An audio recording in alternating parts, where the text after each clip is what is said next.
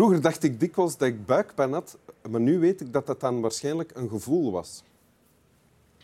Sinds ik uh, bij een therapeut ben geweest. Welkom in Winteruur. Dank u wel. Bieke de Poorter, magnumfotografe.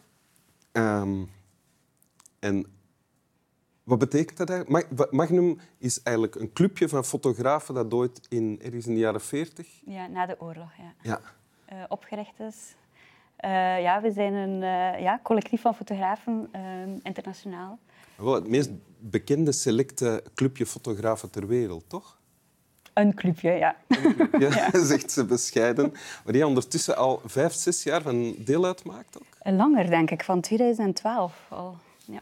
Ah ja, al acht jaar. Ja. En je hebt exposities, je brengt fotoboeken uit. En er staat ook een boek te verschijnen, denk ik. En heeft het dan al een titel? Ik denk aan uh, ja, ja, carte. Carte ja, ja, waarschijnlijk. Maar het zou nog iets anders kunnen zijn. Misschien in de komende tien minuten dat we nog een betere... Het kan veel veranderen snel. Oké, okay, je hebt een tekst bij. Wil je die voorlezen? Ja. Mijn pa's vader Ben ging elke avond na zijn werk naar de Elksclub. Hij werd er graag gezien door de andere leden vanwege de vele rondjes drank die hij hen trakteerde. Pa zei dat Ben hem nooit heeft aangeraakt toen hij opgroeide. Hij was ijskoud. Geen liefde voor een geadopteerde zoon. Pa, als God, koos deze ongeletterde familie met opzet. God weet waarom. Als verkoper van Royal typemachines had Ben duizenden dollars van klanten ontvangen voor de, voor de eerste typemachines die na Wereldoorlog II zouden worden geproduceerd. Royal maakte wapens tijdens de oorlog. Maar pa's, waardevolle, maar pa's waardeloze adoptievader verbraste al zijn geld in de Elksclub. En dus had Ben geen geld meer over om typemachines te kopen voor zijn klanten. Mijn vader liep op blote voeten naar de middelbare school omdat hij geen paar schoenen bezat. Er zaten gaten in zijn broek ter hoogte van de knieën. Ben pleegde zelfmoord nadat hij beloofde om pa te helpen betalen voor zijn collegegeld. Oké, hier gebeurt veel. Hè? Ja. Van wie is deze tekst? Um, dat is een tekst van Michael. Uh, Michael is een onbekende man uh, die ik ontmoette toen hij 65 jaar was op straat in Portland, Oregon. In, in Amerika. Ja. Je ontmoette Michael op straat? Ja, ik had dus Michael ontmoet op straat. Hij heeft die tekst uh, en andere essays ook al aan andere mensen gegeven, maar die hebben die teksten altijd terug aan Michael gegeven. Uh, ik. Wacht, op... hoe, hoe, kwam hij erbij om al die teksten aan jou te geven? Dus je ontmoet hem op straat en zegt, ik heb allemaal teksten, wil je die lezen of zo? Nee, ik ontmoet hem op straat en hij nodigde mij uit bij hem thuis. En zijn huis, zijn woonkamer en eigenlijk zijn hele appartement ging vol met foto's, uitgeknipt, foto's van, uit magazines, van celebrities, van hemzelf, met daarbij uh, dingen geschreven. En na de eerste ontmoeting heeft hij mij een valies gegeven vol met gerief, boeken dat hij vond dat ik moest lezen, essays. Is dat die valies die je naast je hebt liggen? Ja, dat is de derde valies. Dus ah. Bij de eerste ontmoeting heeft hij mij één valies gegeven, dan de volgende dag nog één. En toen ik terug zelf in België was, heeft hij een derde valies naar me opgestuurd met nog meer grieven. Oké, okay, allemaal boekjes en schriften en... Ja, boeken, schriften, essays. Hier hebben we een soort van plakboek die hij zelf heeft gemaakt. Ja? Een fantastisch fotoboek, eigenlijk. En, Wacht, voor je verder vertelt, wat voor man uh, is die Michael? 65 jaar, zeg je? Je ontmoet hem op straat, een soort clochard? Nee, een heel normale man. Ja. Dan wijs je naar mij. Met een pak aan en uh, plastron. Ah, oké. Ja, ja. Ja. Um, ja. En uh, hij was wel heel spraakzaam.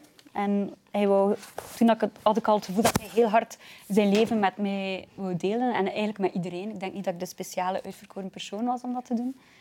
En hij zocht naar iemand om tegen te beginnen kunnen praten. Dat het gevoel had ik wel, En dan stroomde er zijn, van alles over zijn leven uit. Ja, ja, ja. En hij wou heel hard...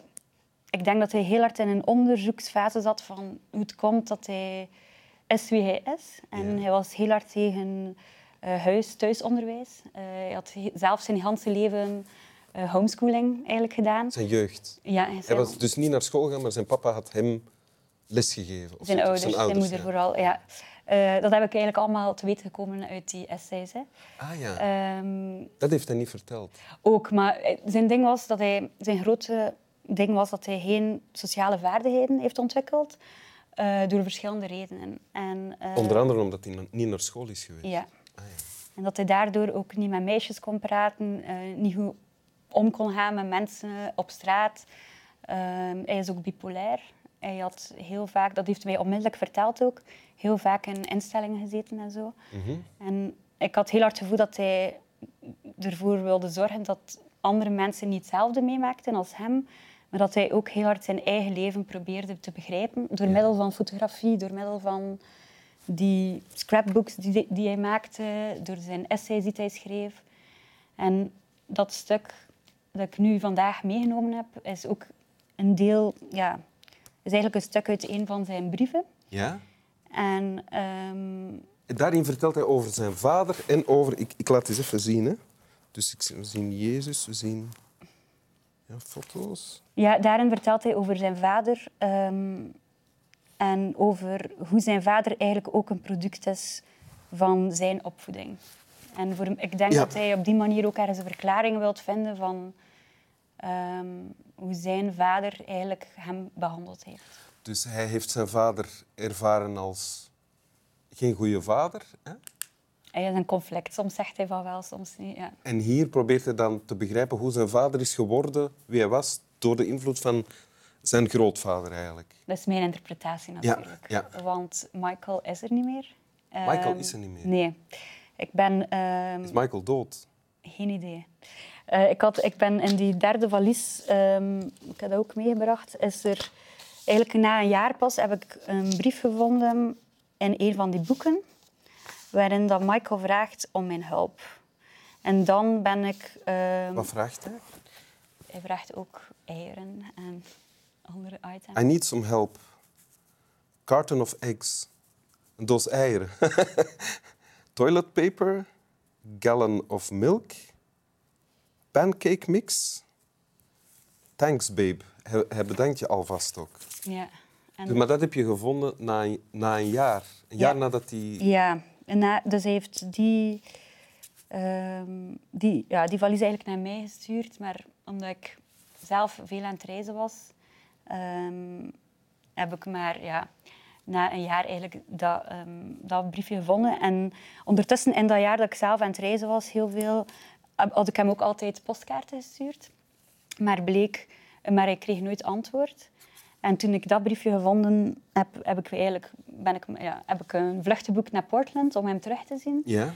Uh, omdat ik hem ook niet kon bereiken op een andere manier. En om eieren en toiletpapier te gaan kopen voor hem? dat had ik eigenlijk niet mee, maar... Um, ja, om terug met hem te kunnen praten eigenlijk. Ja? En om te zien hoe dat met Michael was. Maar bleek dat hij niet meer in het appartement woonde. En dan ben ik ehm, naar de buren, bij de buren gaan vragen. En niemand had Michael nog gezien nadat hij mij uh, al, die, al zijn gerief eigenlijk had gegeven. En, uh, Klinkt als het begin van een film. We zijn al een stukje verder in de film. Ja. ja. En, dus je wordt een soort privédetectieve dan? Wel, ik had toen enkele privédetectives eigenlijk zelf gecontacteerd. Ah bon? Uh, en, uh, maar ik vond ze niet toegewijd genoeg eigenlijk. En dan dacht ik, ik ga het gewoon zelf doen. Nog beter voor de film, ideaal. Ja. En dan ben ik zelf detectieve geworden eigenlijk. En ben ik echt door al het gerief gegaan dat hij mij gegeven heeft. Superveel gelezen, die boeken... Want in de boeken dat hij mij gaf, schreef hij ook aan de kantlijn van alles. Doorstreept hij dingen. Doorstreept hij dingen. En um, dan ben ik... Uh, ja, ik probeer eigenlijk doorheen zijn materiaal hem te vinden natuurlijk, maar ook om zijn leven te begrijpen. En begrijp je, heb je dan het gevoel dat je hem beter en beter begrijpt? Ja, ik snap meer en meer uh, hoe, dat, hoe de Michael die ik ontmoet heb, hoe hij zo geworden is. En ik denk dat dat eigenlijk ook, ja, dat die tekst dat ook ergens zegt van ja, hoe, uh, hoe, wordt, ja, hoe is iemand, hoe wordt iemand de persoon die hij is ergens. Ja. ja.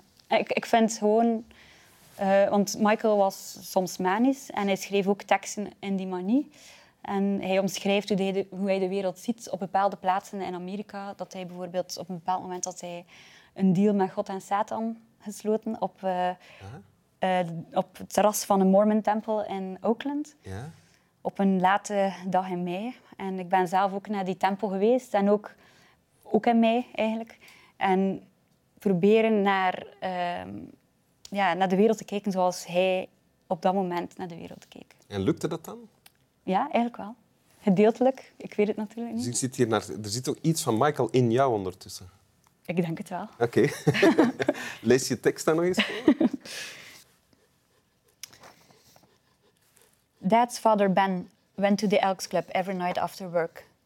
He was popular with the members because of all the rounds of drinks he purchased for them.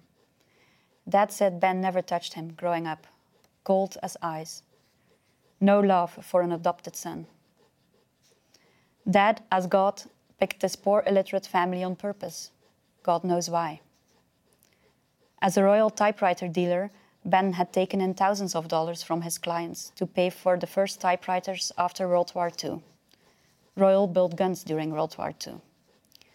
But Dad's shitty adopted father blew all his money at the Elks Club. So Ben had no money left to buy his so Ben had no money left to buy his customer typewriters.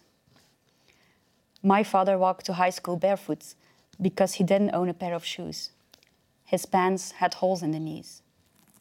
Ben, ben killed himself after promising to help dad pay for college tuition.